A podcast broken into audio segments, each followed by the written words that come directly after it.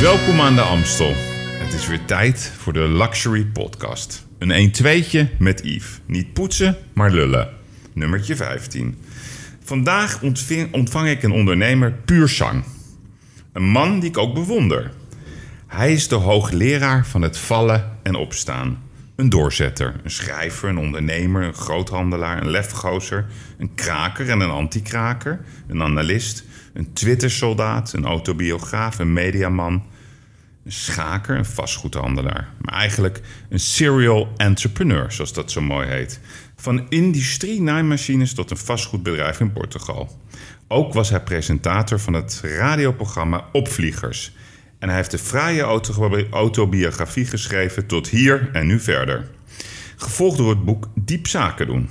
Zoals het volgens eigen zeggen nog nooit eerder is geschreven. Hij is ook vader van Georgia, Daan, Mickey en Jessica. En sinds kort weer opa, zijn derde kleinkind, Odette. Zijn Twitterleger volgt hem op de voet met zijn scherpe uitspraken. Hij deinst er niet voor terug om zijn mening te geven, welk onderwerp dan ook. Een beroepsprovocateur die zelf ook regelmatig een veeg uit de pan krijgt. Na zeven magere jaren, waarin hij werd opgejaagd door de Nederlandse justitie, is hij weer succesvol. In het landje veroveren aan de Portugese Algarve. Politiek op nationaal en internationaal niveau houdt hem dagelijks bezig. Maar is hij nou een linkse idealist of een rechtse extremist? Of zit hij ergens in het midden? Is hij een Trumpman of een echte democraat? Hazes schreef het fraaie lied De Vlieger. Maar deze man is meer van bloed, zweet en tranen. Een ras Amsterdammer met een groot Ajax-hart. Maar bovenal een originele denker. Welkom Erik de Vlieger, ik ben blij dat je er bent. Wat een mooie intro. Ja, Wat een prachtige intro. Het is poëzie. ja. Echt poëzie. Dat vind ik altijd leuk om dit even te doen. Ja, Vind je het echt mooi? ja ik, ik vond ook die, die, die smile die je opzette toen Ja. je het voorlas. Maar je zag toch ook toen je binnenkwam lopen dat ik blij was dat je er weer even was. Ik, ik heb, we hebben natuurlijk een, een rode draad met z'n tweeën altijd Ja. gehad. Hè? We hebben wat Moet vergelijkbare het, situaties Het moet niet gehad. te klep worden vandaag. Nee, dat nee, wordt het maar- ook niet. Nou ja, je weet wat ik zei voor het interview. Je weet wie voor je zit. Ja, ja, dat klopt. Ja, ja, zeker. Dat zei ik niet. Dat zei ik eigenlijk wel een beetje ter intimidatie. Ja, dat zei de intimidatie, dat klopt. Maar wat, wat, van wat ik hiervan zeg, hè, ehm, wat, wat haal je het eerste eruit? Toen je begon dacht ik, wat mis ik? Ja? Dus wat mis ik als mens? ja, ja. Ehm, ehm, omdat ik een aantal levens heb gehad. En het enige wat ik mis is het Radio 1-programma Opvliegers. En voor de rest mis ik weinig uit mijn vorige leven. En waarom mis je dat, dat radioprogramma Opvliegers? Omdat radio maken zo ongelooflijk leuk is. Ja, hè? Ik vind dat zo gaaf. En ik zat elke week op Mediapark. Ik had grote gasten, minister Blok, eh, noem ze maar op. Twee uur Je deed dat was om 12 uur eh s'nachts. 12 uur. En dat werd natuurlijk gek huis. Ik, ik werd natuurlijk steeds extremer op de radio. Ja. En eh, toen werd ik een, kreeg ik een brief van, van de NPO. Dat als ik nog één keer dat de streken zou uithalen. Ik had, Maar wat, wat, wat was je ik had een, eh, strijk? ik had, er, was een, er was een wet aangenomen dat prostituees moesten ook een, een, een bordje op de deur hebben. Dat ze ook prostituee waren. Ook die thuis werkten. En dat was ook met meisjes van die webcams hadden. Ja. Van die meisjes, kan je zo'n webcam en dan kan je zo'n meisje bloot zien. Die doet allemaal dingen. En toen had ik zo'n meisje in de studio. dat werd natuurlijk... Ja, die stond op een gegeven moment naakt in de NPO-studio. En dat was, op, was te zien op de webcam. en en toen, ja, toen liep het een beetje uit de hand, zeg maar. En ehm, toen kreeg ik een waarschuwing, keurig. En ik heb me best goed gedragen. Maar radio maken is prachtig. Ja. Prachtig. Ik vind het zo prachtig. Veel, leuker, veel leuker dan tv. ja, omdat het ook... Je hebt helemaal niet het idee voor welke groep je het doet. Omdat het zo persoonlijk is. Maar ondertussen luisteren er veel mensen mee natuurlijk. Dat niet alleen, maar dat is het publiek. Kijk, je moet ten eerste goed voorbereid zijn. En ten tweede moet je goed kunnen luisteren. Ja. En dan moet het allemaal verklaarbaar en hapklaar en ook begrijpelijk worden voor zeg maar, de luisteraar. Terwijl je als vierde ook nog aan een schema moet houden. Je hebt een schema in je hoofd. Dus je bent met radio maken vierdimensionaal bezig als je aan de interviewer kan zitten. Ja, als je geïnterviewd wordt, is het wat makkelijker. In dit geval is het voor jou moeilijker dan voor mij. Ja, klopt. hey, Erik, even voor... de Kijk, We gaan even snel, hè? We gaan Ja, even, ja, we gaan even snel. Maar ik vind het wel even belangrijk. We hebben ook heel veel jonge luisteraars. En jong vind ik 25, 30 en die kennen Erik de Vlieger niet. Schande. Ja, dat is een schande. Je hebt natuurlijk boeken geschreven. Maar ik wil toch even proberen om een eh, vijf minuutjes even te duiden wie jij bent geweest totdat je naar Portugal ging. Nou, ik, ik, ik ben ook nog steeds ondernemer in Nederland en dat doet mijn oudste zoon. Kijk, ehm, ik kom uit een, eh, uit een, een, een ongelooflijk lief gezin. Ik ben goed opgevoed als mens met normen en waarden. En we hadden een, een, een, naaimachinebedrijf, industriële naaimachines. En dan kan je hem lachen. denk je, ja, naaimachines. Mensen zeiden wel eens, ja, naaimachinehandelaar. Maar de confectie, kleding, is wereldwijd zo groot. Daar heb je enorme aantallen van naaimachines nodig. Toen mijn broer en ik eigenlijk met z'n tweeën 1 en 1 is 11 waren. Toen werden we groot, steeds groter. Eh, omdat ons vader had een relatief klein bedrijf. En wij pasten goed bij elkaar. En toen ben ik in de productie gegaan. In de productie was ik 30 jaar. Heb ik één keer een fabriek gehad, doorverkocht. Nog een keer een fabriek gehad, doorverkocht. En toen had ik op mijn 30ste 30 miljoen gulden op de bankrekening staan. En nog steeds het bedrijf naaimachinehandel. Toen ben ik in meerdere industrieën gegaan. Scheepswerf, media. Ik had een aantal magazines, zoals je weet. Ja, ja. Ehm, ehm, het naamsbedrijf hadden we nog, denk ik. Het onroerend goed. We waren de vijfde ontwikkelaar van Nederland. Een enorme portefeuille. Niet alleen met bezit, maar ook een portefeuille. Opgebouwd in de negentiger jaren. Waar het wat heel makkelijke jaren waren. Ehm, met honderdduizenden meters ontwikkelingspotentieel, volume, portfolio's.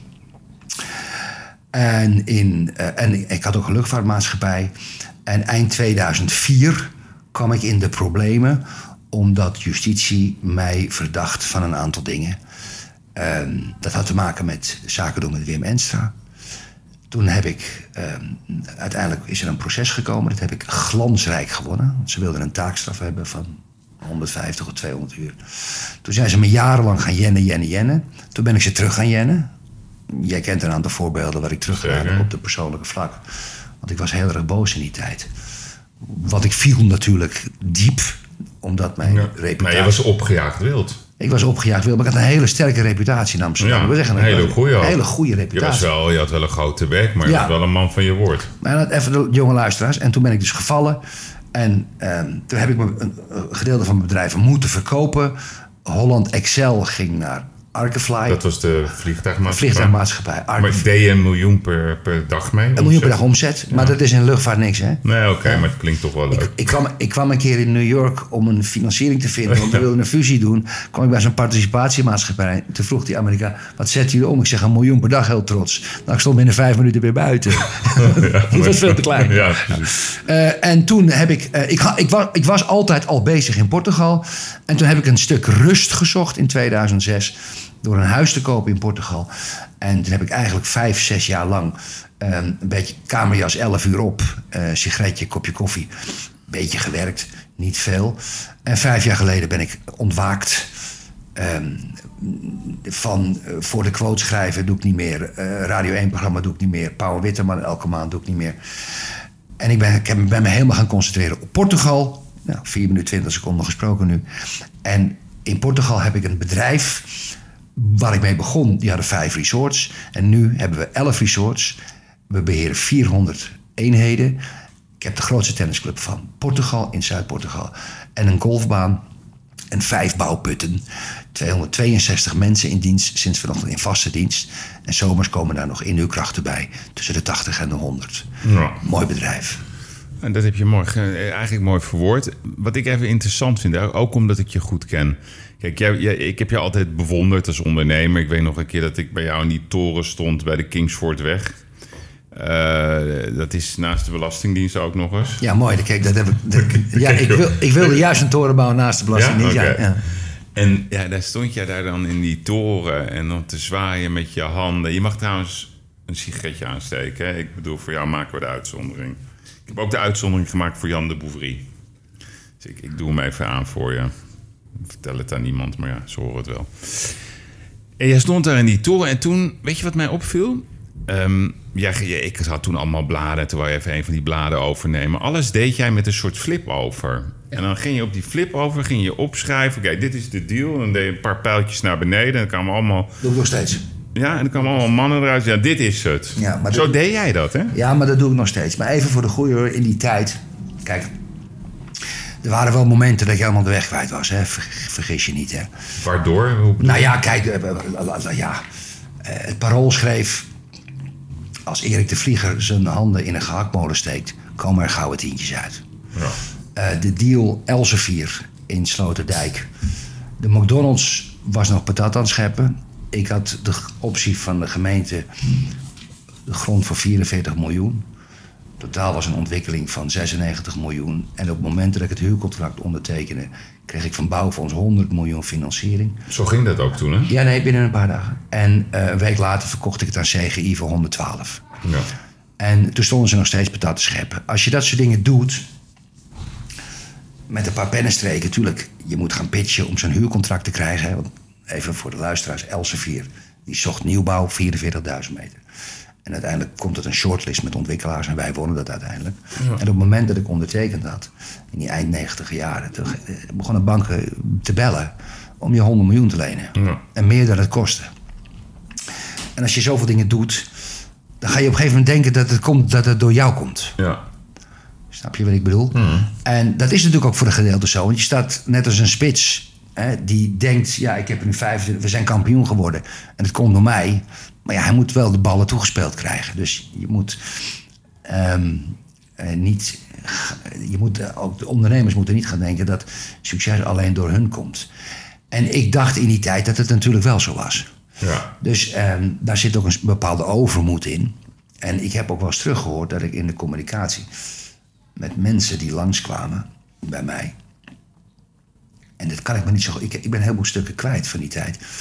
En er kwam iemand op visite en die zei: ehm, Wat is het mooi weer vandaag? En dan zeg je: ja, als ik, een, als ik het weer wil weten, dan huur ik wel een weerman in. Wat wilt u mij vertellen? Dat is een hele onaardige manier. Het is een hele, Oh, ja. eh, en, en ik heb een aantal voorbeelden teruggehoord van vroeger. En eh, ja, oké, dat, dat, daar, was ik toch wel daar was ik toch wel iets anders in. Nou, zo'n flip over, want dat was je eigenlijk je originele vraag. Als je een deal niet op één papiertje uit kan leggen, moet je het vooral niet doen. Nee, precies. Maar dat is volgens mij het principe. Want jij was, jij was vooral volgens mij zo succesvol... omdat je ook de moed had om gewoon te beslissen... en dan maar de consequenties te aanvaarden. Ja, En alles zat mee, dus het ging ook goed. kijk, ik ging Het waren gouden tijden als we daarnaar terugkijken. gouden tijden. Ik, toen ik in 1990 het onroerend goed inging, met een miljoen of dertig in gulden. Toen vanaf Dat is 92... 14 miljoen euro. Ja, vanaf 92 ehm, verdienden we elk jaar tussen de 10 en de 15 miljoen gulden. En toen kwam de euro en toen verdienden we elk jaar tussen de 10 en de 15 miljoen. En toen moesten we nog heel veel afschrijven ook, Ja. omdat we belasting. Maar ik zat, ik zat na de Zweedse cri- crisis. Hè, en er is een crisis geweest met Zweeds vastgoed en Zweedse bankiers. Waardoor het vastgoed een beetje. We kregen heel veel leegstand in Nederland, in begin 90 jaren. En ik ging dat kopen. Ik kwam natuurlijk niet uit vast. Ik- Dat is zo goedkoop. Dus ik ging allemaal lege gebouwen kopen. Met geld. Heel goedkoop. En toen trok die huurdersmarkt aan. Ja, nou, dat ging helemaal nergens meer over, Yves. Maar wat ik een van de mooiste anekdotes van jou vind uit die tijd dan... dat zou- kan ik me nog goed herinneren om even te typeren hoe jij zaken deed. Er kwam zo'n hele vereniging met advocaten en, eh, en adviseurs... die kwam naar jouw kantoor. Ja, ja, ja. En een, de, de, de leider van de, van, de, van de bende, zeg maar... die wou die deal met jou doen. Ja. En jij zat daar boven in, aan de Kingsfordweg... met al die mannen bij elkaar en het ging allemaal heel stroef. En die man, die kwam geloof ik uit Duitsland, hè? Van, van een firma uit Duitsland. CGI. Ja. Die had volgens mij een voorkeur voor mannen. Nee, dat was een, dat was een, eh, een van de grootste CGI. Ja. Groentinvest, Duitsland. Dat was de grootste investeerder in vastgoed. Ja. En het was een ongelofelijke nicht. Ja. Een unieke nicht. Iemand die er gewoon expres te koop mee liep. Ja, in een die- zogenaamde rauwe, onroerend goedwereld. Waar iedereen heel erg macho is. Ja? En die man, dat vond ik zo prachtig altijd. Die, die was een nicht, maar die speelde ook de nicht. ja. En dat ging heel stroef. En, eh, Met hoeveel man zaten jullie daar? ja, man of evenveel? 14, 15. eh, Ja. Hoe heet die makelaar? Het, eh, ik ben het vergeten, die makelaar. En op, op een gegeven moment... eh, Je moet wel een microfoon dat wordt, een beetje, dat wordt een beetje macho talk. En dan ging ik macho. En, en ik zeg tegen hem... Jij bent een nicht, hè? Ja. Ja, hij preek- sprak ook Nederlands. En, en ik hoorde de leren schoenen kraken van de makelaars, accountants en advocaten die er ja. zaten. Hij zegt, ja, heb je daar een probleem mee? Ik zeg, nee, tegendeel. Ik zeg, maar vraag me af, jij als Duitse nicht, dat je wel, ja, maak je wel eens wat mee? En eh, hij zegt, hoezo? En ik zeg, nou, Amsterdam is echt een nichtenstad. Zal ik je eens een keer mee uitnemen? Hij zegt, dat is goed. En zo gezegd, zo gedaan. Ik sla even een heel verhaal over. Ja, ja, ja. En we komen die week daarna komen we in de regio's dwars en we gaan naar een paar nichtententen. Ja, ik wilde een beetje stoer zijn, een paar nichtententen. Dat was lach, gewoon waar je wat kon. Dat was gezellig en dingen. Zo. Ik zeg, nou, eh, ik ga naar huis. En hij zegt, ik dacht dat je me mee zou nemen naar nichtententen. Hij zegt, ik zal jou wat laten zien. dus, dus in de kerkstraat ergens Ja. heb je zo'n nichtenhomo. Ja? Oh, zo'n. Ja. Een nichten- Dus hij nam me mee. die sauna. Naar, naar zo'n nichtensauna. 80, 80 mannen, waarvan de helft met elkaar of de andere helft aan de bar zit. En ik schrok me natuurlijk helemaal dood. Ja. dus hij sloeg me eigenlijk met mijn eigen wapens terug. Ja. Oh, Ik moest er ontzettend om lachen. Hij was op een gegeven moment ook verdwenen. Hij lag in zo'n container. en eh, en wat Ja. allemaal van die containers daar, daar kan je in liggen. En ik, ik liep daar voorbij. En Er zijn mannen die je dan aankijken, weet je. Van, eh, eh, heb je Ja, heb je ik ben hetero. Ehm, helaas, want anders eh, ja, had ik ook een boel kunnen hebben. En, eh, en ja, dus, eh, maar hij heeft dat pand gekocht. Dat was die man het die om. het pand voor 112 miljoen kocht. Ja, ja, Dat was die deal. Maar kan ik jou hiermee typeren? Want dit was toch wel... Kijk, dan zit je met zo'n hele, heel bataljon aan adviseurs die heel moeilijk doen. En jij breekt gewoon het ijs eigenlijk door, door uit de comfortzone te stappen. Wat ik deed, ik had eh, op een gegeven moment mijn kantoor verruild. Ik ging achterin zitten en ik had een badjas altijd hangen. Ja. En dan was, ik had een eh, groep van vier gasten, drie gasten eigenlijk, Hmm. de managers. En die zaten aan te onderhandelen over een deal, of, of de financiering, et cetera. Ja. Nou, en dan deed ik mijn kleren uit in mijn kantoor. En dan deed ik mijn badjas aan. Op kantoor. Op kantoor. Maar ook overdag. Ja, nee, ik wist dat ze aan het praten waren. Dan deed ik mijn badjas aan en slippers aan. En dan ging ik de spreekkamer naar binnen waar ze zaten te onderhandelen. In je badjas. Ja, en dat deed ik net of ik in de sauna op de 14e verdieping was geweest. Ik zei, jongens, lu- lukt het? En, en, en het, dat kon je allemaal maken in die tijd. Want die banken, die wilden geld geven. Ja, dat was een omgekeerde wereld. Je, je hoefde niet om geld te vragen. Ze, ze kwamen het brengen. Maar dacht jij erover na? Want je, kijk, jij stond ook bekend als de enige serieuze vastgoedpartij in Amsterdam. Die gewoon eh, op zijn slippers en, zijn en op zijn gimpen, spijkerbroekje. Ja, maar ik deed ook goede dingen, hè? Nee, nee, maar jij, het Ja, maakte jou niks uit. Nee, het maakte me niks uit. Maar kijk, als er... Dacht je daarover na? Ja, ik had wel natuurlijk een act. Ja, ja. Moet je niet vergeten, we hebben allemaal acts in het, in het, in, in het zakenleven. Hmm. Je, je gedraagt je volgens een bepaald patroon, je kleed je volgens een bepaald patroon. Dat kunnen mensen verwachten. Als jij morgen in een, in een wit pak komt opeens, eh, dan denk ik, oh, waarom in een wit pak? Is er wat aan de hand? Ja, ja. Als je altijd in een zwart pak loopt. Maar ik deed met de gemeente ook een aantal culturele dingen. Hmm. Ik sponsorde evenementen. Ik had vastgoed waarbij ik tijdelijk aan eh, culturele instanties goedkoop verhuurde. En soms ook wel eens voor niks. Ehm, dus ik, ik deed ook heel veel dingen met de gemeente. En dan kreeg ik best wel wat voor terug. Ja. Door sneller geholpen te worden. Of, of met complexe situaties. Op, op Wie, was toen de burgemeester van Amsterdam? Eh, hoe heet die ook alweer? Partijn? Partij, ja. Partijn, ja. Ja, ja. Partij, maar Partij sprak ik weinig. Ja, ja. Maar ze onder mensen... wel, Ja. Duco Stadig ging ik goed mee. Hè? Duco. Stadig was een van de beste. Dat onderschatten we, Duco Stadig. was een van de fijnste wethouders die er was. Een hele eerlijke man. En we hadden natuurlijk Hans Gerson op grondbedrijf. Ja, ja, ja. Ja, en Hans Gerson, ja, dat, ja, dat was uniek. Die, die, die, die, kon, die kon je je echt verrot schelden. Ja. Ik, ik wilde, ik weet niet of je het herinnert, ik wilde het vliegdekschip kopen. Kan je er nog zoiets herinneren? Er lag een vliegdekschip te koop in Brazilië, de Minas Gerais. En die was, ehm, die was 240 meter lang. En ik had een droog shipdock, dat waren in Amsterdam-Noord droogdokken. Ja. En toen had ik het lumineuze plan om dat vliegdekschip te kopen voor 2,5 miljoen dollar, oud ijzer. Hem naar Amsterdam te trekken, in een dok te leggen en dat dok te sluiten. Een schilder, Poolse schilder in dienst te nemen en hem dat schip 30 jaar te laten schilderen. Want als je dat vliegdekschip in vierkante meters uitrekent. Ja, ja. En die wilde ik gewoon verhuren. Ja, en ze zo, vooruitziende gewoon, gewoon, gewoon hartstikke. dat is Hele goedkope meters, dacht ik in die tijd. zeker. En dat, dat, kwam, dat had ik aan ambtenaren verteld. Ik moest toch een beetje. Want er zat asbest in het schip en allemaal moeilijk. En toen belde Hans Gers aan mij op. Hij zegt: één, vlieger. ehm, ik hoor dat jij het vliegtuigschip wil kopen. Eén, het komt niet door de sluis bij Muiden. En twee, je doet nooit meer een theelepel grond in Amsterdam verzetten. als je dat ding naar Amsterdam haalt. Dit ding was 80 meter hoog. Ja? En- mooi. Ja, en ik weet nog heel goed, ik had zo'n heel, had ik zo'n heel visioen. Kijk, het ding is 240 meter lang. Ik denk, als ik nou gewoon aan beide kanten 5 meter staal eraan las. En dan heb je al die, ik vond al die lulletjes in de quote. Die vastgoedgassies, die Edwin Rijstenborg en zo, dat soort figuren. En die hadden dan een jacht van 28 meter of 30 meter. En dan liepen ze daarmee te pochen. En dan kwam ik eens de Noordzeekanaal opvaren met een jacht van een kwart kilometer. Maar je luisterde wel naar nee, je, die Gerson. Ik, eh, dat was ik scheet in mijn broek voor de Ja, hè? want je denkt, ja, dat gaat allemaal handel. Ja, ja, ja. Hey, en wat was nou, kan jij nog herinneren wat het, wat, wat het moment was? Echt het moment dat, dat zeg maar de ellende op je afkwam. Toen mijn rechterhand in de luchtvaart gearresteerd werd, Harm Prins. Harm Prins, ja. Ja.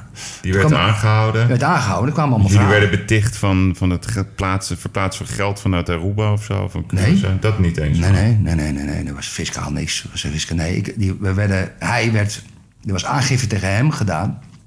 En een andere vent.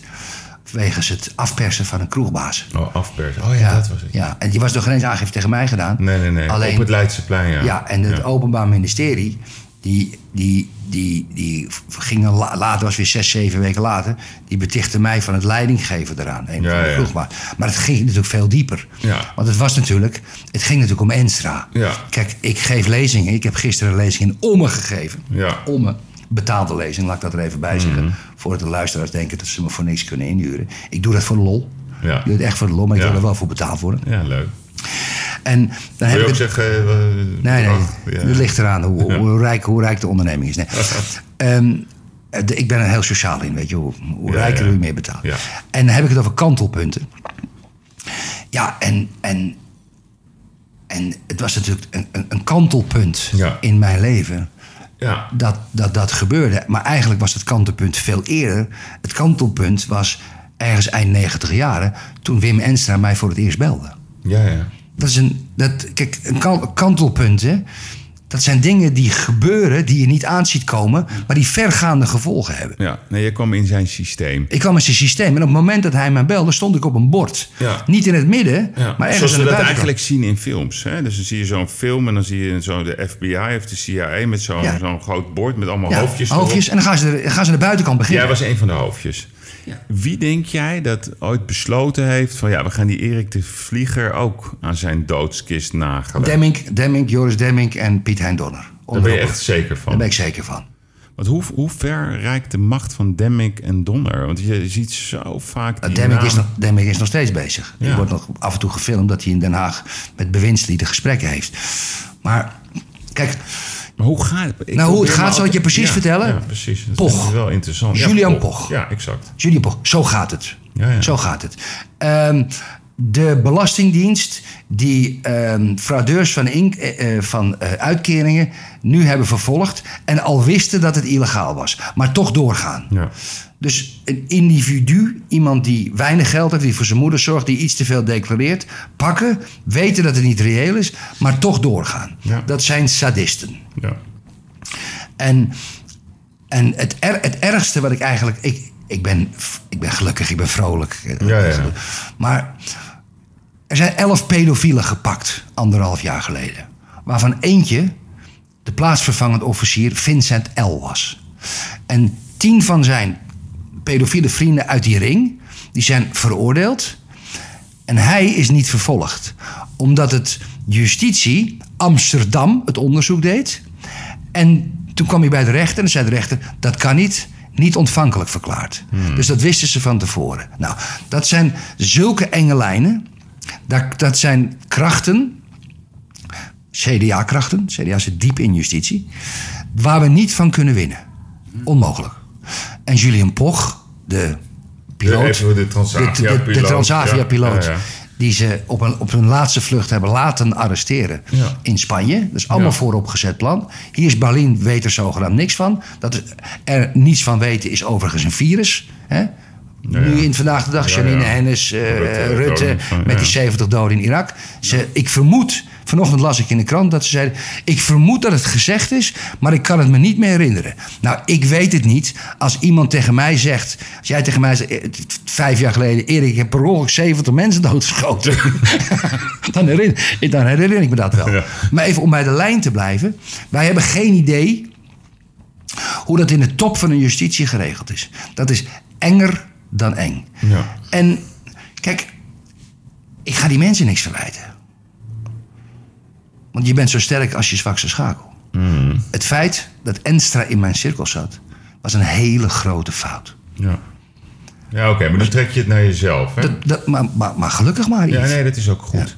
Alleen even dat, dat, die pochcasus. Hè? Ehm, ik had verwacht, de Transavia-directeur, die zei van ja, het is van, van bovenaf ingefluisterd. Heeft hij letterlijk gezegd. letterlijk. Ik vraag me dan af, wat is zijn belang om dat te zeggen? Ik denk dat is breaking news op het NOS. Nee. Niks.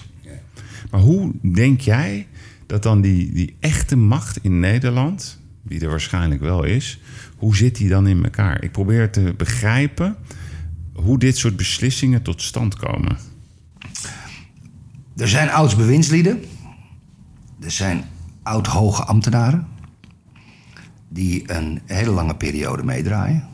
Ik noemde net al Donner. Maar er zijn ook hoge ambtenaren die secretaris-generaal zitten op een, op een ministerie.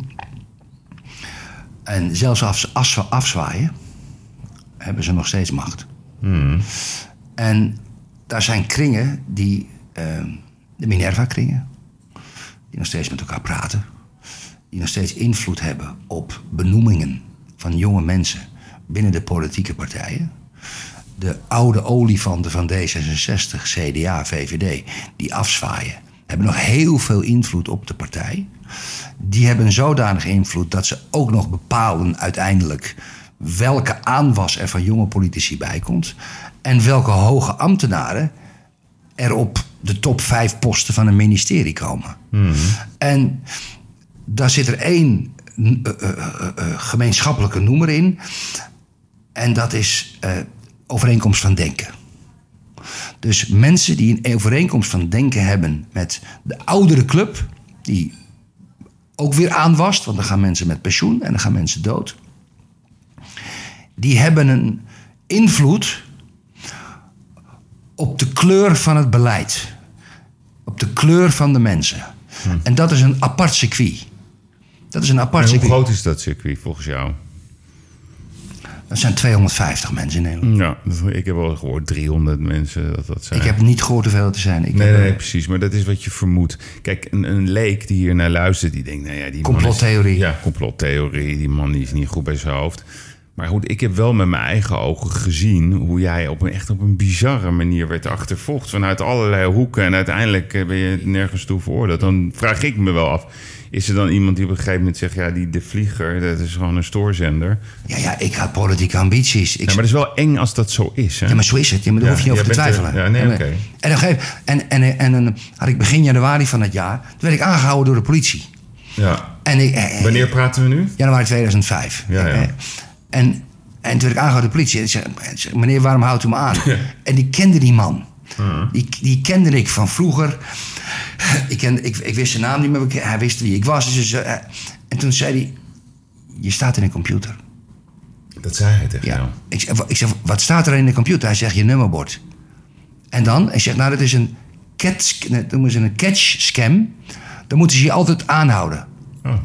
Altijd? Hij zegt, ja, als je om de hoek rijdt en dan staat de agent en ziet je nummer... en doet je nummer in zijn in zijn- in zijn dingetje, dan houdt hij je weer aan. En prompt, dag daarna werd ik aangehouden. En toen zegt tegen me, ik sta in de catchcam, hè? En die agent die schrok. ja. En dat doen ze met criminelen. Ja, ja. Die zitten te jennen. En dus de vraag is natuurlijk die interessant is: wie heeft jou in de catchcam gezet? Ja. Somebody. Daar heb je vermoedens over. Ja. Nou, Erik, jij, jij bent daar.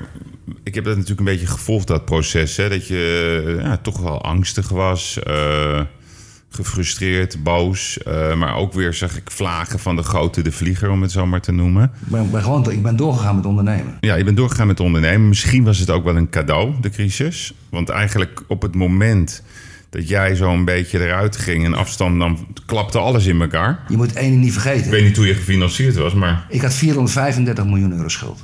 ja, je had 4, 5 en toen. En wat Maar was de waarde toen van je portefeuille? 6, 700. Ja, dus En ehm, het ging eigenlijk een halvering denk, van plaats. ik denk, als ik in 2008 met die portefeuille de kredietcrisis was ingezeild. Was je naar de kloten? Maar ik had, ik had, ik had, nou, ik had, ik, weet, ik, had, ik had waarschijnlijk overleefd, maar dat, Ja, ja. dat weten we toch nooit. Nee. Maar ik had een groot probleem gehad. Kijk, ik wil er nog twee dingen over zeggen, Yves, als dat mag. Eén één is een mooi verhaal. Eind januari 2005. Arm Prins was gearresteerd. Alle geruchten. De kranten gingen schrijven, de banken deden moeilijk, leveranciers. Ah, Ik was gewoon een, opeens een soort paria geworden. En toen besloot ik om op een zondag, op een eind januari... Een, een, een, een mistige dag naar het graf van mijn vader te gaan. En ik, ik ben niet gelovig of zoiets. Ik zou het worden als ik het bewijs zie, zeg ik altijd maar. Maar ik ben in principe een atheïst. En ik ging naar het graf van mijn vader op zondag vijf uur. begon echt donker te worden, mist en shit. En ik zeg, papa... Ik zeg, je moet me helpen. Ik zit in de problemen. Ja, een heel lang verhaal. Ik stond van het graf te praten. Ik zeg, als er iemand is in de hemel die je kan beïnvloeden. Ik zei omkopen, maar kan beïnvloeden. ja, dan, dan moet je dat doen. Zondagavond. En op maandagochtend werd ik aangehouden. nou ja, misschien heeft hij het gezien. Nou, kijk. Een mooi verhaal, En daar kom je aan. Daar kom je aan op mijn punt.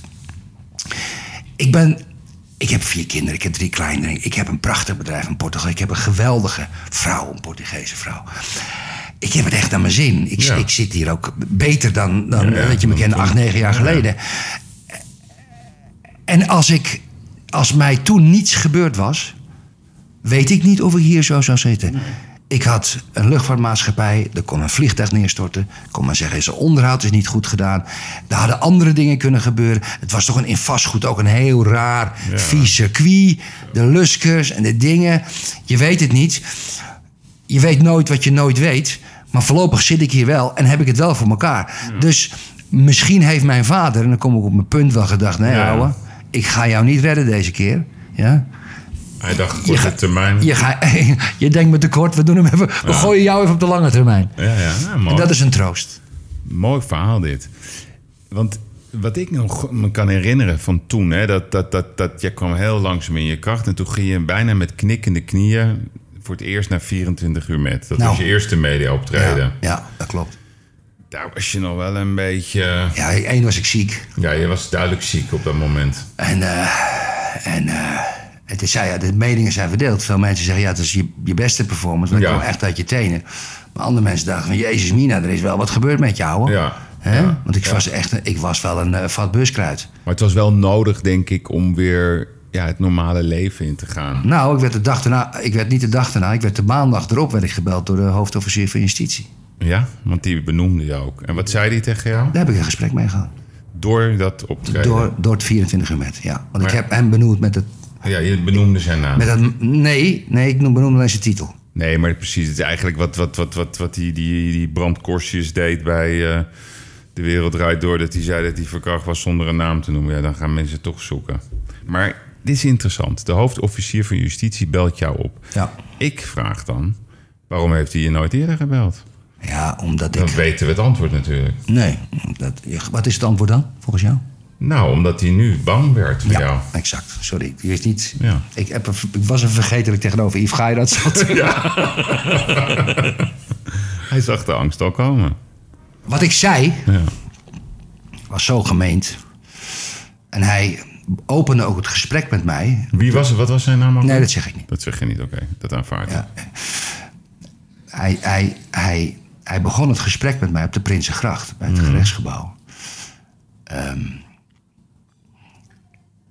ik kreeg een aantal sms'en van collega's, want ik heb het niet gezien, dat ik de uitzending terug moest kijken.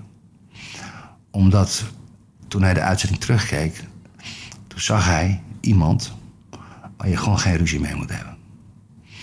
En ik ben een vredelievende man. Ja. Alleen, ik hoef jou niet uit te leggen. Er zijn mensen die over een grens kunnen trekken. En je kan. Je wint als je bereid bent om alles te verliezen. Om te sterven. Ja, De om death alles. wish. Ja, ja. Ja, ja. Als, eh, eh, als, je, als je er zo in gaat, ook als soldaat, de beste soldaten zijn de soldaten die bereid zijn om te sterven. Ja. daarom zijn de Israëliërs de beste soldaten ter wereld. En dan de Engelsen. Die zijn bereid om te sterven. Dat is all in the game. Die zijn misschien nog gestorven. En als ze eruit komen, denken ze, dat is mooi meegenomen. En dat zag hij in mij. En toen Slimme man. ja, ik heb die man. Ik heb een aantal rotstreken uitgehaald. Zoals? Kijk, ik heb. ehm, ik had zijn 06-nummer. Het is jammer dat die, die ogen van jou beginnen helemaal te twinkelen. En ik was zo boos in die tijd. Ik, ik vond het zo onterecht. En toen, en toen heb, ik, ze, heb ik een advertentie gezet op zijn... Hij was ook nicht. Op een hele kinky website. waarbij hij beloofde allemaal dingen te doen bij iemand. Maar je moest hem wel na twee uur s'nachts bellen. En die man is hoofdofficier, dus de telefoon is s'nachts altijd aan. Dus drinkt tegen twee uur gaat de telefoon. en, en, enzovoort. En toen vroeg die man aan mij, toen ik daar zat. Het was een heel goed gesprek, een lief gesprek. En, en die man zag ook wel, want die hebben echt een paar rotstreken uitgehaald. Met een, met een soort kleindochter van mijn vriendin. En het was allemaal, Ja, ja. allemaal heel gemeen. nare dingen. Hele nare dingen. Ja. Hele nare dingen. En ik, ik, dat, dat was niet, niet fijn.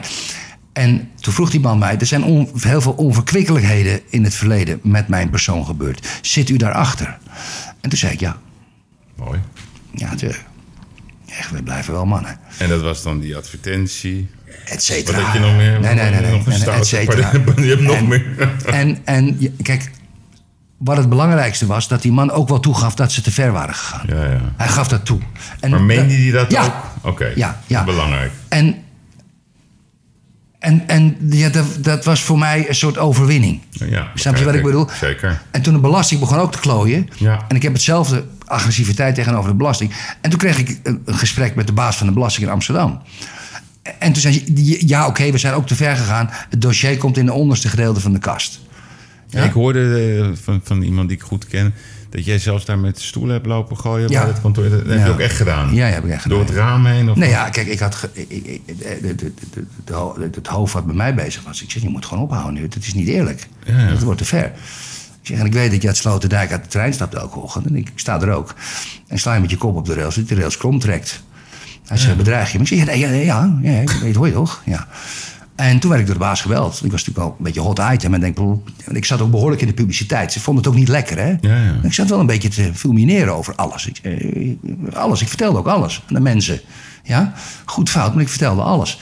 En toen, en toen, en toen kregen we het gesprek. Ik moet eigenlijk aangifte doen. Ik zeg, ga je gang, joh. Wat let je? Ja. Ja, wat let je? Ja, moet je lekker doen. En toen hebben we daar ook goed over gesproken. Overigens was het toen mijn boek uitkwam. En eh, mijn autobiografie. En daar moet ik jou nog, dan mogen de luisteraars best weten. Jij hebt het als laatste gelezen. En jij hebt me een aantal kardinale adviezen gegeven. Wat ik wat vooral moest benadrukken. En, en wat ik eruit moest halen. En ik had een brief gekregen. Een van de weinige mensen in Nederland van het Openbaar Ministerie. Waarin ze min of meer hun excuus aanboden. In een soort juridische term. Terwijl ik ze gezegd had dat ik geen schadeclaim begon. Pocht doet dat wel en terecht. Maar ik had daar geen zin in om jarenlang te procederen. Ik, ik verdien mijn eigen geld wel. En toen ben ik dat boek begonnen op jouw advies. Met de publicatie van de laatste alinea van de brief. We werden nog spoedig herstel, weet je wel. Ja, Dat, ja, eh, zeker. dus die belasting, dat was ook rond. En kijk, als je als, je als een zigeuner natuurlijk de instanties gaat bedreigen... dan krijg je altijd nul op het request. Maar in dit geval Ja. Ha- ha- hadden ze het zo fout met mij gedaan. Ja, nee, maar jij hebt dat natuurlijk heel knap gedaan en zo. Het, is- het heeft ook iets heel oneerlijks. Niet vanuit jou, maar meer vanuit de andere kant. Omdat jij toch nog, hè, ondanks dat je bijna lag te spartelen onder de grond... toch nog de kracht vond om te zeggen, nou, die soldaat... Hè, dus je had die death wish op dat moment. Dat heeft ook iets dubieus natuurlijk. Maar dat, dat is blijkbaar hoe het leven werkt. Want Nee, het ook- karakter is een karakterkwestie. Ja, oké, maar dus het- dat is dan wel de sterkste overleven. Want je hebt het ook, wat ik ook heb gehoord, is een keer, omdat je was nog bezig met wat afkoop van financiering of afwikkelingen. Van, je bent ook zo te keer gegaan bij de ABN Amro, hè? Ja, Hoe ging dat? nou, die gasten die, dat- die hadden ook de Fortes overgenomen. Ja. En stond nog een leningje. En ik, ik, zat, ik, was, ik had het meeste van mijn hypotheek afgelost wat het moest. En ik was aan het overleven. En ik, ik, had wel geld. En toen kwam ze op een heel naar nederig moment. Krijg je dan opeens, zonder dat ze een belletje geven, krijg je een, eh, een brief. Dat je af moet lossen. En dan, ja, ik ben een ervaren zakenman. Ik zeg, jongens, wat is dat? Ik betaal mijn rente. Eh, waar heb je het over? Het ging ineens over heel veel geld. Dus ik ging naar Zuidoost. En ik zag twee van die, van, die, van die jonge lulletjes, die aangestelden... die een paar jaar daar bij die bank werken, bij bijzonder krediet... waar ik eens in hoorde. Of bijzonder beheer. En eh, ja, die begonnen te horen. En op een gegeven moment pak ik mijn bril van tafel. En die... Ik had natuurlijk een bril van een ethos, 2,5 euro. Die verkrummelde ik in één keer in duizend stukken in mijn handen. Ik zo nog een beetje bloed aan mijn vingers. En die gooide het tegen de muur. Die gasten die sprongen op, die schrokken zo erg. Die schrokken ze en die zagen de hysterie in mijn gezicht. Het was wel gespeeld, maar heel goed gespeeld. En eh, toen kwam er nog een beetje zo'n bewaker bij. Ik zei, ja, ik ben oké. Ik zeg u tegen die mensen, u wordt gebeld. En een van mijn beste vrienden, die jij ook kent, ik zal zijn naam hier niet noemen. Eh, die belde die bank op. En eh, ja, die ging de onverkwikkelijke situatie oplossen. En nog een pak geld verdiend ook. Ja. Van een bank. Ja, ja, het zijn geweldige verhalen natuurlijk. Maar ik zou ze er niet meer mee willen maken. Nee, dat begrijp ik. Maar het is wel, ik, ik vind het leuk om er even met je over te praten, omdat het je ook wel duidt. En, ehm, Ja, maar het is zo, on- kijk, het is zo oneerlijk geweest. Ik had, ik had ja, nee, maar het was ook oneerlijk. Het was is gewoon ook oneerlijk, echt- ja. ik, ik, ik Ja. zeg je heel eerlijk, ik kan nu heel moeilijk gaan lopen doen, maar ik begrijp het gewoon. Dat Ja. je zo dacht en dat je zo handelde en dat... Je bent toch ook Ja, te grazen genomen? Nee, absoluut. En Partners dan weliswaar, maar, Nou ja, maar, maar het kon op je- hetzelfde.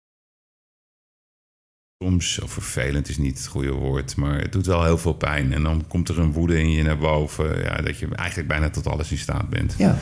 Laten we het niet als, eh, als, eh, als de manier van zaken doen. Nee, Eh, de jonge luisteraars moeten vooral geen aanstoot nemen eraan. Nee, en zeker. proberen. Nou, dan maken we gelijk eventjes een mooie jump. Want ja, jij bent om de een of andere manier ben jij een soort Twitter-legende geworden. Ja. Wat was de dag dat jij besloot, ik ga twitteren? Dat mijn dochter zei, mijn oudste dochter Jessica. Ja, Jessica, het ja. tweede kind. Jessica, ik was vanochtend bij Jessica, want die vertelde me nog een prachtig verhaal over jou trouwens. Ja? Ja, dat ga ik zo eventjes als, we ruimte hebben. Ze zei, pap, je moet op Twitter gaan, is leuk. Mhm. Nou, daar heeft ze spijt van gehad. En dat deed ik om... om En jij vroeg, wat is dat? Wat is dat? Ik zeg, Ja. ik zeg, ik zeg wel, ik ga een beetje... Want mensen die zeggen van, ik ga naar het toilet... en dat zetten ze op social media, doe niet zo dom. Om een lang verhaal kort te maken... ik begon bij tijdens 24 uur met. Toen begon ik. Toen begon je, oké, dat Toen was begon het ik. moment. Dat was het moment. En ik begon dat te ontdekken. En ik begon heel snel... Ik, ik had een zo'n originele manier van twitteren... Ja. dat ik heel snel veel volgers kreeg. Toen ben ik naar Twitter toegegaan... want ik wilde verified worden. Twitter had nog een kantoor op de Zuidas.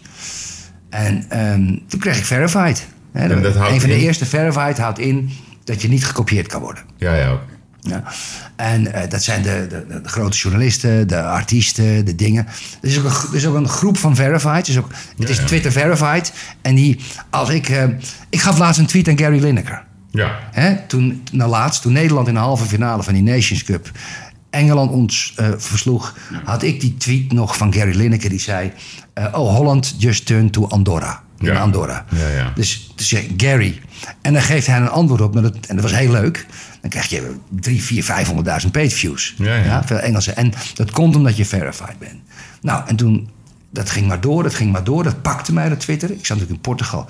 Dus goed contact. Ik hou ook van ehm, Twitter als, als nieuwsfeed, om dat te volgen. En het, een van de leukste dingen die ik meemaakte... was een artikel in de Volkskrant.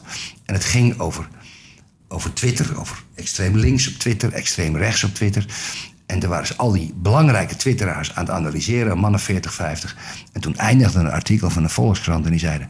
En last but not least, de Twitter Al-Qaeda van Nederland. Is Erik. Erik de Vlieger.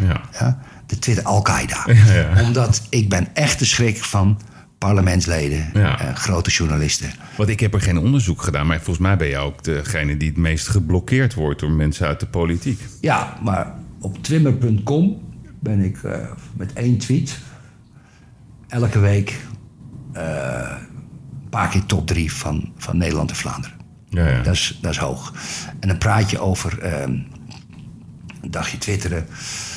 Drie grote tweets ertussen van 100.000 plus. Ehm, dan praat je over eh 700.000, 800.000 pageviews op een Ja, dag. Waar ook herhaling in zit. Ja, ja. En dan kom je bij de top drie. Dan word je trending. Ja. Ja. En eh, ja, soms is- s'avonds. Ja, en eh, ja, ik zit natuurlijk ook ontzettend te dollen. Want ik doe ook wel eens dingen een beetje stout op Twitter. Want kijk, je bent verified dat je niet iemand anders kan, dat iemand, niemand anders je kan kopiëren. Ja, ja. Maar als je verified bent en je kopieert iemand, dan word je je een geloofd. voorbeeld? Ehm, tijdens de Amerikaanse verkiezingen in 2015.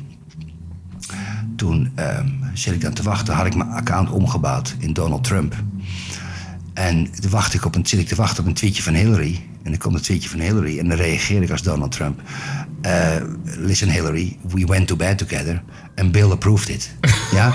En dan tag ik CNN, CBS en ABC. dan kan ik hem maar drie, vier minuten laten staan. Ja. Maar in eerste instantie, het is heel leuk, want dat wordt dan door miljoenen twitteraars in Amerika gelezen. Dan word je verrot gescholden, want die denken dan dat je door echt Donald Trump bent.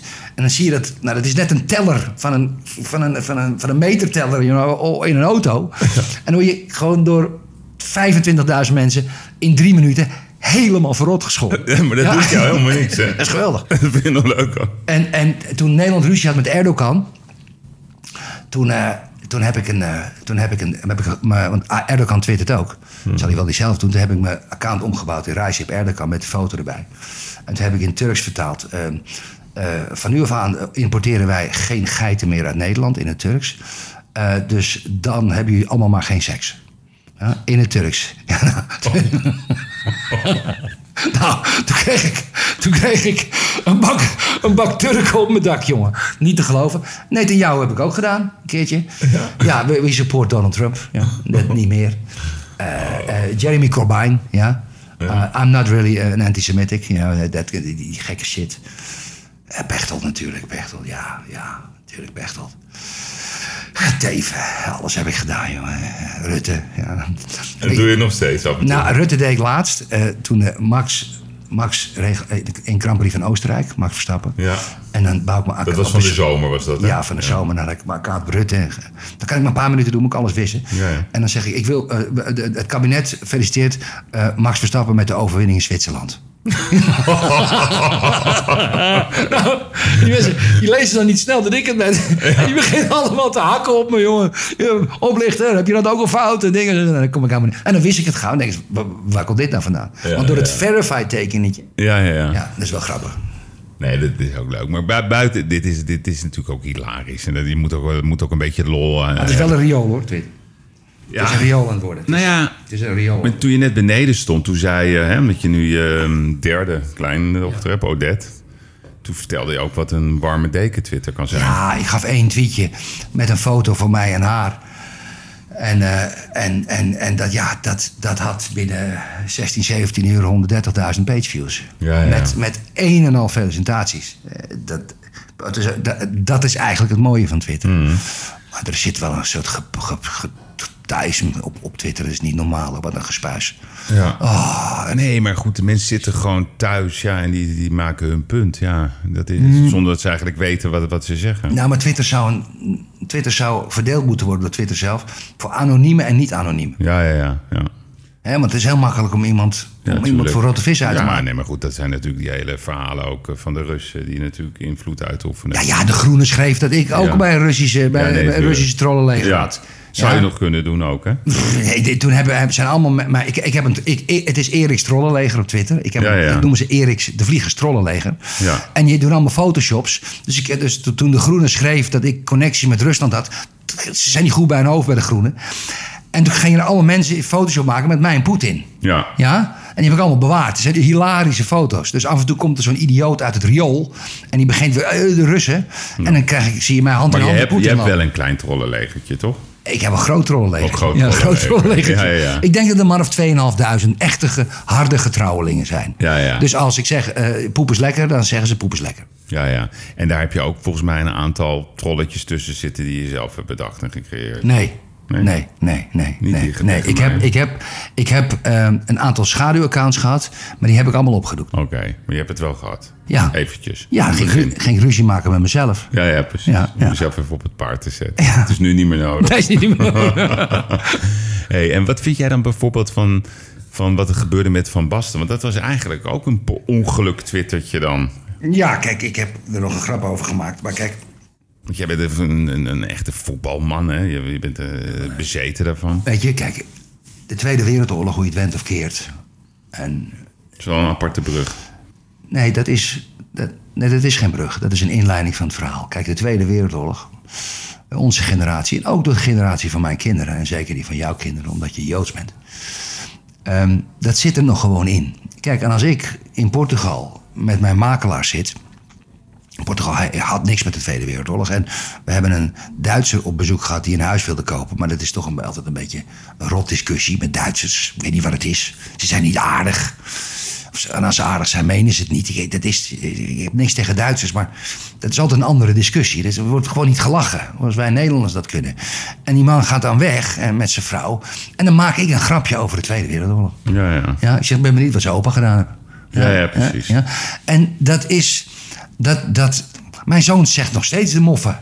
Ja, Ja? ja, ja. Ja, als we tegen Hamburg moeten spelen, dus je moet tegen die moffen. Ja, tegen de ja? moffen, ja. En ik kan natuurlijk wel een, een, een, een, een Italianen spaghetti eten noemen, maar het, is, het komt anders hard aan. Terwijl de jong, jonge Duitsers zijn een ongelofelijke leuke mensen, vind ik. Ja, maar, ja, is dat zo? Ja, vind ik echt. Ik vind dat ze een gigantisch minderwaardigheidscomplex hebben vanwege het feit dat ze, eh, ook dat is, komt politiek ten uiting, dat ze die wiedergoedmaching, die blijft er maar inhakken met nou, dat immigratiedossier. Maar stel je nou eens voor dat jij een jonge Duitser bent Ja.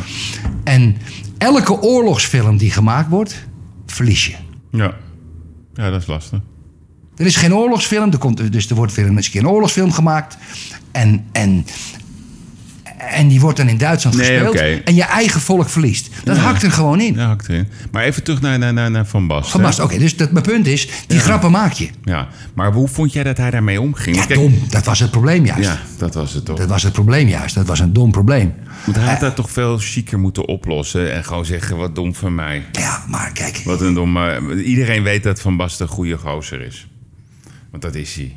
Ik vind het ook goed dat ze hem niet hebben ontslagen, weet je. Dat had nergens op geslagen. Maar ik vond zijn reactie wel dom daarna. Kijk, ik, ik, ik, ik denk dat een groot gedeelte van het trauma wat Nederland had met Duitsland, CQ voetbal, Opgelost in, 19, in, in, in de 88. halve finale in Ja, Hamburg. klopt. Het doelpunt van Van Basten. Het doelpunt van Van Basten is opgelost. Wat deed jij toen? Ik, Hey, ik heb een vaaschool over kapot gegooid. Hè?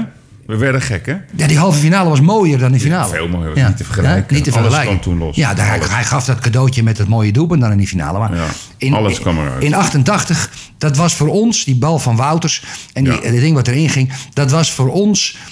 Ja, dat klinkt, het is maar voetbal, maar dat was een bevrijding. Dus Ja, die jongens, het dus die jongens, die hebben dat, die hele Daarom druk. is hij ook onze held. Maar het heeft wel met de Tweede Wereldoorlog te maken. En ook met een opmerking Sieg Heil. Ja? En als hij, ja, dat kan je ook niet uitleggen. Nee, nee, klopt. Als je dat uitlegt, dan ben je ook een soort halve antiracist. Of, eh, of racist dan in dit geval. Maar nou, Ja, ja. Want hoe kijk jij naar, de, naar die... Ik bedoel, in Nederland is dat best wel gaande. Hè? De, de voetbal is een voorbeeld van. Ehm Wijnaldum was fenomenaal, daar zijn we het over eens. Maar wat ik ja? opmerk... Oh ja? nou, Ja. Dat, oh, dan ben ik wel benieuwd wat jij vond. Ik vond hem echt indrukwekkend. Ja. Ik, ik dacht, hè, hè, eindelijk. Zo expliciet. Ik vond het weer triest dat op dat moment de politiek het ging claimen. Je hoort ze nooit. En nu opeens wel, omdat de aanvoerder van het Nederlands elftal het doet. Je Rob Jetten, Jesse Klaver. Allemaal. Allemaal reutels over elkaar heen op social media en afschuiven. Vond jij hem niet sterk, Wijnaldum? Kijk, weet je wat het is? Eh, als mensen kankeraap gaan roepen tegen een, tegen een donkere voetballer. Maar dat weten we niet goed bij je hoofd. Ja, dat zijn, maar dat zijn Mongolen, dat zijn idioten. Dat, ik, ik zou als voetballer er ook nog ineens op reageren. Ik kan me voorstellen dat je, dat je een keer stopt. Maar je moet niet vergeten, 48 uur later werden twee jongetjes in Gorkum, door 20 Marokkaanse andere jongetjes, helemaal de tering geschopt. En die werden, en dat proberen ze nu allemaal te downplayen, dat die jongetjes in elkaar werden geschopt. Dat Maar waarom- Wacht even, wacht even. Dat was ook volgens een racistisch motief. En als je dan. Het, het haalde CNN. Als je dan. Dat soort dingen die we allemaal natuurlijk af moeten keuren. dan moet je de lijn wel doorzetten. Dan moet je de lijn wel doorzetten. En dat durven ze dan niet. Twintig Marokkaanse jongetjes schopten twee blanke jongetjes. Ja, dat ik over blank moet spreken is al fenomenaal. is al waanzin. Ja, inderdaad. En dat kwam een beetje op de telegraaf met hangende wurgers en zo, maar dat kwam nergens door. Dat kwam nergens door. Ja, dat vond ik net zo erg. Je moet die lijn doorzetten. Ja. Dat doorzetten. En racisme is voor onderontwikkelde idioten. Ja. Dat is heel simpel. Ja? En dan racisme is gewoon alles, toch? Racisme is alles. Precies. Racisme is alles. Ja. Is alles ja. Maar wat, ik, wat, ik, wat mij meer boeit, Erik, zal ik je heel eerlijk zeggen. ehm, zeker ook omdat jij zo je, je uit op Twitter over Trump, over Gewoon even tussendoor vragen. Ben je nou links, ben je rechts? Wat ben je nou precies? Nou, ik vind Trump de grootste imbeciel. Maar wel op de juiste plek. Ja, ja. Oké, want jij bent ook heel anti-Amerikaans. Die, die, die roept vaak, dat zijn allemaal idioten. Ik vind het het meest briljantste en domste volk ter wereld. Dat Ja, ja, blijf ik zeggen. Kijk, en we worden natuurlijk geterroriseerd door eh, de Microsoft, de Facebook, de, de, de social media, De de wapenindustrie. Eh, we- ik las wel weer dat India weer voor een miljard kanonnen heeft gekocht. Dat moeten ze kopen, omdat Pakistan ook voor een miljard kanonnen heeft gekocht vanaf dezelfde fabrikant. Kijk, die Amerikanen die, die, die hebben de prachtigste maar ze monopoliseren Nee, maar- de hele wereld. terug Is dat links of rechts? Ja, dat weet ik niet. Dat vraag ik jou. Of, ben je, of bestaat dat helemaal niet, links of rechts? Nou ja, ik, kijk, de, de, de PVV, de rechtse, de rechtse PVV, die hebben een economisch linkse denkwijze. Ja, klopt. Ja. Zeker. Dat is bijna dezelfde agenda als de SP. Ja, en de algemene mening is dat als je tegen, die migratie bent, tegen immigratie bent, ben je rechts. Maar als je voor eerlijk delen bent, dan ben je links. Maar bij de PVV zit dat dan weer allebei. Die zijn links en rechts tegelijk. Dat zijn kwalificaties die Dus worden gegeven door journalisten. ja. Nee, die worden door journalisten gegeven. Daar heb je niks aan. ik, ik, we zijn allemaal links. Kijk, als, jij wil ook niet dat je buurman Nee. Ja, van de honger een omkomt. mooie. We zijn allemaal links. En, en dat is waar ik dan moeite mee heb. Is dat, dat, dat, dat claimen op links niveau van ik ben sociaal. Ik heb nog nooit een, een, een, linkse bestuurder... eh, grote donaties aan goede doelen zien doen. Misschien heb ik iets gemist. 90%. Eh, ik weet nog Ro Rozenmuller, die woonde bij Driebergen daar. En altijd maar... Nee, die in Aardehout. is in Aardehout Ja, ook Maar kijk, weet je, kijk, maar wat ik nou met jou wil doen, want, want, want het is best ingewikkeld. Hè? Dit, hier gaan we niet uitkomen vandaag. jawel, daar gaan we wel uitkomen. Als je naar me luistert, zeker. Ja, ja, dat wil ik wel Kijk, proberen. 90% van de mensen die op, op, eh, zeg maar, publiekelijk op, de- op de linkerkant zitten, zeker politiek en ambtelijk gezien, en eh, de goede doelen en, en, en de vluchtelingenzorg en de immigratie, weet ik veel wat, die zitten er voor het geld. 90 90%. Die zouden in het bedrijfsleven niet redden. En die denken, ik wil toch een ton verdienen. Hmm. Ik wil toch een ton verdienen. Ja? Dat ik een huis kan kopen en een hypotheek. Dus dat is 90% van de linkse mensen. Dus ik zeg altijd, links zijn de meest gewiekste kapitalisten die er zijn. Maar dat zijn kapitalisten van een tonnetje. Die komen niet verder. Die komen daar niet verder in. Snap je wat ik daarmee bedoel? Hm, Ja, ik begrijp het. Maar dat vinden zij voldoende. Ja, maar het wordt natuurlijk verpakt. In, in, in mededoogzaamheid. In, in, in. Ja, maar in dat is dus baantjespolitiek. Ja, maar het is toch ook weer een soort van kapitalisme en geld. Ja. Maar wat, wat, wat, wat vinden wij dan zo moeilijk? En dat is wat. Want vanuit, eh, jij, jij zei tegen mij bij een voorgesprekje. Zei je letterlijk: ja, ik maak me zorgen over de wereld. Toen dacht ik van ja, ik ben het daar helemaal niet mee eens als je dat zegt. Want als je gewoon kijkt naar de samenleving anno 2019, dan is het nog zo slecht niet. Ja, maar Yves, ik, ik, ik, ik weet niet wat ik hoor. Waar zit al dat ik, ik, negativisme? ik weet niet hoor. Ik weet niet wat ik hoor nu wat jij zegt. Ik, ik, ik heb nog nooit zoiets van jou gehoord. Dit is je slechtste opmerking van de laatste 25 jaar. Want? Omdat je helemaal niet naar 2019 moet kijken. Je moet verder denken. Oké. Ja, in denk 2019 19 natuurlijk. Als je de, de lichtknop aandoet, doet het licht het en je, en je huis is warm voor 95% van de mensen. Maar je ziet dat er een situatie aan ontstaan is. In Nederland die heel slecht kan aflopen. Er zijn bewegingen op gang gekomen. En Denk is er zo eentje.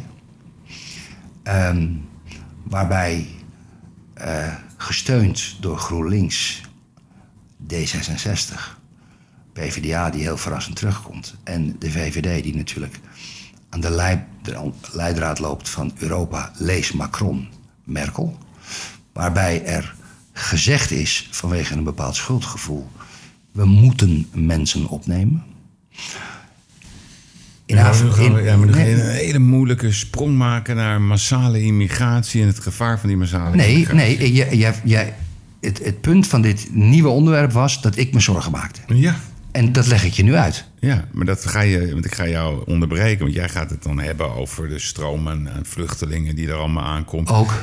Zou ik je heel eerlijk wat erover zeggen, Erik? Ehm, ik vind sowieso dat wij eh, altijd mensen moeten helpen. En ik vind ook dat we geen eh, open deurbeleid moeten voeren. Dus ik vind, eh, ik heb nooit begrepen, al die mensen die op zee eh, verdrinken, vang het gewoon daar ter plekke op. En altijd is ook het antwoord... als je ons wil helpen, investeer dan in onze grond. In, help ons met hoe we, hoe we boerderijen kunnen bouwen. Alleen dat zullen politici nooit zeggen. Ja, dat zeggen ze wel. Ja, Dat weet zegt- ik. Dat zegt iedereen wat jij zegt. Nee, de politici die zullen dat nooit doen, want het is tegen hun principes. Ja? Maar ik denk, heel eerlijk, en daarom noemde ik het voorbeeld Iatare. Waarom vond ik dat zo uniek eigenlijk voor de Nederlandse geschiedenis? Is dat wij, ik, weet, ik ga je nu al voorspellen, de grootste voetballer eh, in de komende twintig jaar, waar wij met veel plezier onze kinderen waarschijnlijk over gaan praten, is Iatare. Maar dat is een Nederlander. En ik denk dat door altijd maar te polariseren en door voorbeelden erbij te noemen van denk. En ik heb, denk je dat ik geen kritiek heb op wat ze allemaal roepen en weet ik veel wat allemaal. Maar we blijven het probleem maar benoemen. En ik denk dat de mensen, als elkaar één grote dans maken, zoals het Nederlands elftal dat deed, dan gaan we het hier niet meer over hebben. Dan denken ze, wat een gek is dat. Ja, maar ik denk dat we nu vioolmuziek op moeten zetten. Ja, ben, je bent heel naïef. ja. Je bent heel naïef. Kijk, Waar, waar, ben ik, de- waar moet ik me dan echt zorgen om er maken? zijn eh, over een aantal dingen, maar ik wil even bij dit onderwerp blijven. Mhm. Want ik ben daar, ik ben daar, ik ben daar, ik durf daar verhard in te zijn. Ja. Ik durf dat. Ja, We hebben 150 Kamerleden die precies hetzelfde zeggen als jij. We moeten ze daar in de regio opvangen, we moeten dit. En op hetzelfde moment. Doe Maar je, ook niet, hè? Doe Ja, je, ik- doe je in Afrika. Doe je in Afrika. Doen ze dit ook de televisie aan. Dan zitten ze in een café in Niger. En dan zien ze natuurlijk die, die mensen die gewoon uiteindelijk, als ze er eenmaal zijn, Nee, maar dat is er niet meer uit kunnen. En je moet een signaal afgeven. Ja, ja oké, dat zeg je. Je, je, moet- je, je, je, moet. Je, je, je, moet Europa sluiten. Ja. Je moet sluiten. Maar we zijn het er al over eens. Ik bedoel, in Nederland, Limburg en Friesland is al een wereld van verschil. Wil je in godsnaam één Europa maken? Dat kan helemaal niet. Maar Erik, ehm, ik, vind, ik, vond het, ik, ik, ik vond het echt heel leuk dat jij hier was. Omdat, weet je wat ik het leukste vond? Dat, dat, dat je weer zoals dat te stralen toen je over vroeger vertelde. We hebben het niet eens gehad over je succes in Portugal. Ik heb jou eh, vorig jaar daar eh, bezocht. We hebben lekker een visje gegeten op het strand. Je hebt Ja, al dat die- was gezellig. Gaan we Ajax kijken. Ajax en kijken, ja. En, en, ja, en, en, en ja, al die parken die je daar hebt neergezet. En met de bewondering hoe de mensen over je praten. Ik vind het echt knap. Ik vind het echt knap. Dus applaus daarvoor. Ehm, Ik heb een Portugese vriendin. ja, weet ik. Daar ben je echt blij mee, hè? Ja, maar Je gedraag je nu, hè? het is een notaris. Een notaris is heilig. Ja. Dus een hele integere, afstandige notaris. echt- want jij bent natuurlijk wel een beetje seksverslaafd geweest. Seksverslaafd. Die krijg ik even. Ja, zo op het einde van. Ik ben helemaal niet seksverslaafd geweest. Ik vroeg Oh, je bent het nog steeds. seksverslaafd. Ik, ik, ik, ik, ik, ik, ik hou, ik hou van seks. Kijk, oké. Ik, ben, ik, ik doe niet... Je doet geen gekke dingen. Nee, hou op zeg. Kijk aan. Maar Erik, ik, wil, ik, wil mooi, met- ik wil mooi met je afsluiten. Nou, dat begrijp ik, maar dat ik Ja. seksverslaafd ben Nee. geweest. Maar wat, wat, wat, wat wil jij nog zeggen ter afsluiting? Ik heb nog een rekening te vereffen. Dat blijft in me zitten, dat kleine knobbeltje. En ehm, ik heb mijn vriendin, die weet dat ook, in Portugal. En die is maar voor één ding bang, dat ik terug ga naar Nederland. Om, dat, om dat rekeningetje te vereffenen. En ik heb tegen haar gezegd, ik ga dat niet doen. Maar je moet wel even zeggen wat die rekening dan is. Dat weet ik niet. Dat weet ik niet. Oh, je zegt gewoon dat je rekening te vergen. Ja. Maar je weet niet welke het is. Ik weet nog niet welke dat wordt. Oké. Nee, ik, heb, ik, heb, ik ben nog niet helemaal klaar in Nederland. Met Oh, je hebt er nog een paar mapjes. Ik heb een mapje om, om, eh, om, nog wel een poetsbakken, zeg maar. Ja, ja. Eh, In, in de zakenwereld, hè, dat moet je Oké. zien. Oh, zo bedoel je. Zakelijk of politiek. Ja, ja, oké. dat is en, het. En maar zij, dat is niet een rekening verheffen. is, zo is het een beetje wel. Ik heb nog een punt te maken. Ik heb nog een puntje te maken. Ja. Ik, ik ben, ik ben, ik- er zit nog wat. En, en we zitten nu. En het allermooiste was, en dan ga- dan gaan we afsluiten. Zij zei tegen mij verleden week: Als we wat ouder zijn, dan kunnen we ook gedeeltelijk in Nederland en in Portugal wonen. Ja, dat is Ze een gaf- compromis. Dus ze gaf me een soort opening. Ja. Nou, we missen je wel in de media in Nederland. Ik denk dat, eh, dat ik namens velen spreek. Dus eh, kom terug, zou ik zeggen. Wat vaker. Dat vaker dat. dat En jouw dat- geluid is een, in ieder geval een heel bijzonder geluid. En ik durf wat te zeggen. Dankjewel. Dankjewel, Yves.